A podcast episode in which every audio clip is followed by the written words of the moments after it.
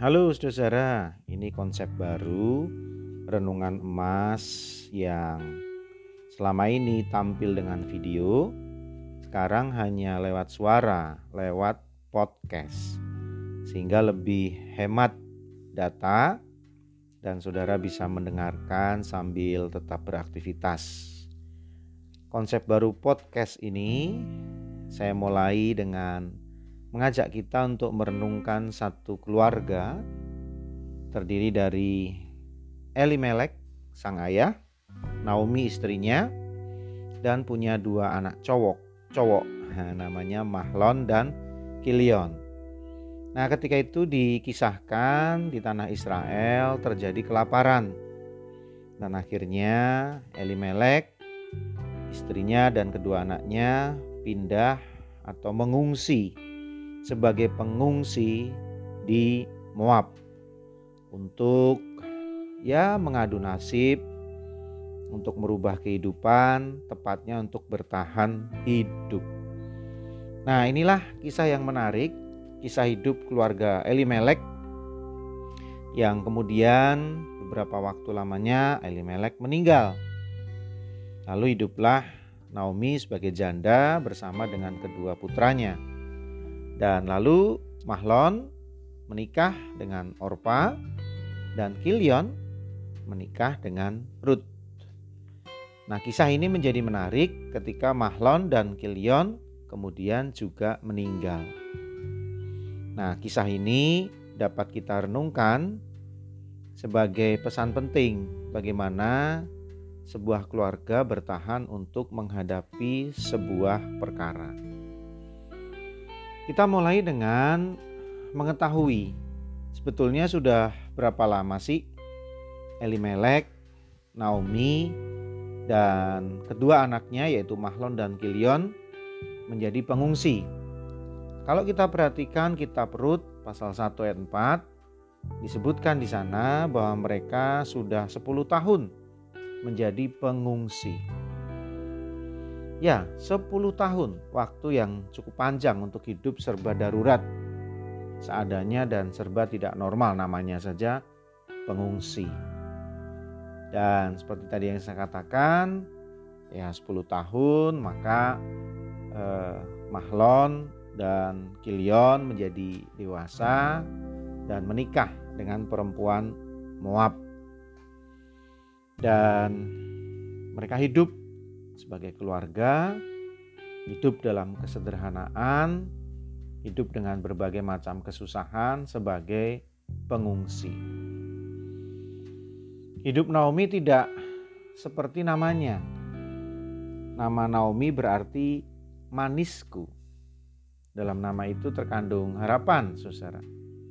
Hidup yang bernuansa manis, namun realitas yang dihadapi Naomi justru sebaliknya, sangat pahit Bahkan kelak Naomi tidak lagi memakai nama itu, melainkan mengganti dengan nama Mara yang artinya pahit.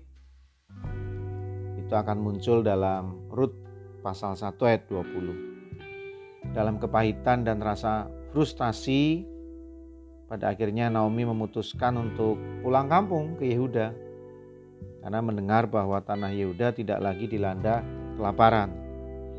Dalam konteks itu ia membebaskan dua menantunya untuk kembali ke rumah masing-masing karena ia tidak lagi punya anak yang dapat ia kawinkan dengan kedua menantunya itu. Dan itu menjadi kebiasaan orang Yahudi ya. Orpa memutuskan untuk pulang ke keluarganya sesuai nasihat Naomi. Sedangkan Ruth memutuskan untuk tetap menemani Naomi ke mana pun Naomi pergi. Apa pun konsekuensi dan resikonya. Juga ketika Naomi pulang kembali ke daerah asalnya Yudea, ia bersikeras, Ruth bersikeras untuk mendampingi dan tidak membiarkan Naomi sendirian. Walau risikonya adalah kematian. Dan kalau kita perhatikan Rut pasal 1 ayat 16 dengan 17 dikatakan Janganlah desak aku meninggalkan engkau. Ini Rut yang berbicara, dicatat demikian dan pulang dengan tidak mengikuti engkau sebab ke mana engkau pergi ke situ juga aku pergi dan di mana engkau bermalam, di situ jugalah aku bermalam. Bangsamulah bangsaku dan Allahmulah Allahku. Di mana engkau mati, aku pun mati di sana. Dan di sanalah aku dikuburkan. Beginilah kiranya Tuhan menghukum aku.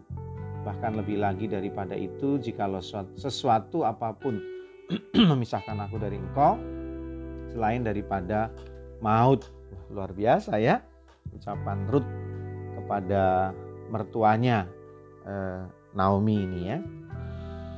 Relasi cinta kasih di antara Naomi, Orpa, dan Ruth sebagai mertua dan menantu menarik untuk disimak ya.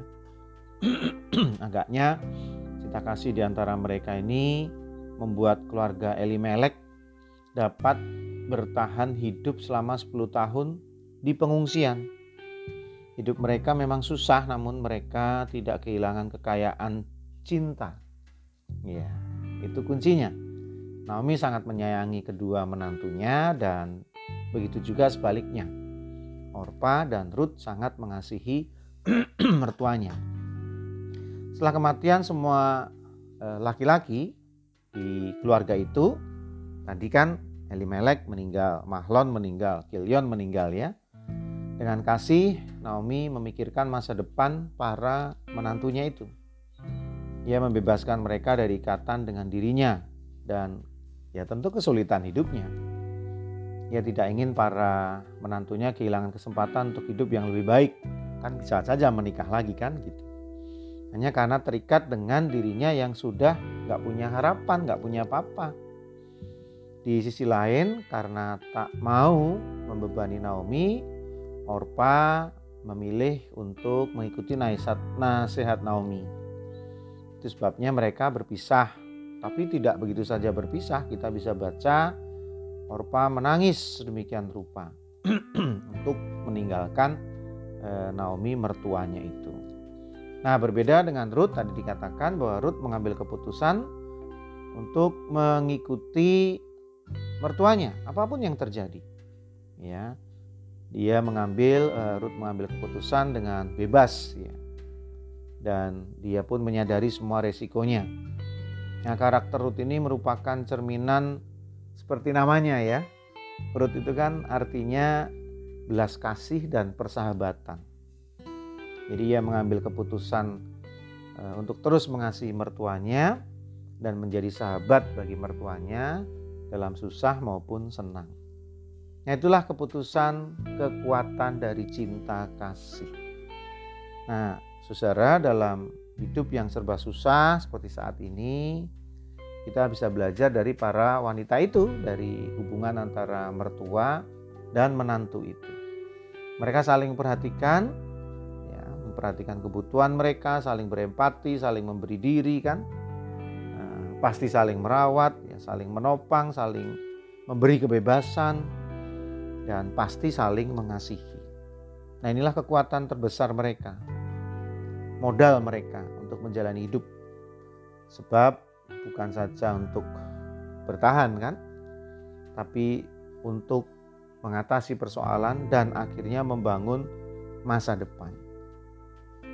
Saudara, di masa pandemi ini kita pun juga menghadapi banyak perkara dan persoalan. Tapi kalau ada kekuatan cinta kasih di dalam keluarga dan rumah tangga kita, bukan tidak mungkin kita akan menang atas pergumulan, mengatasinya di dalam Tuhan, dan membuat masa depan yang lebih cerah. Masih bersama dengan saya Pendeta Yudi dalam renungan emas esok masih ada solusi.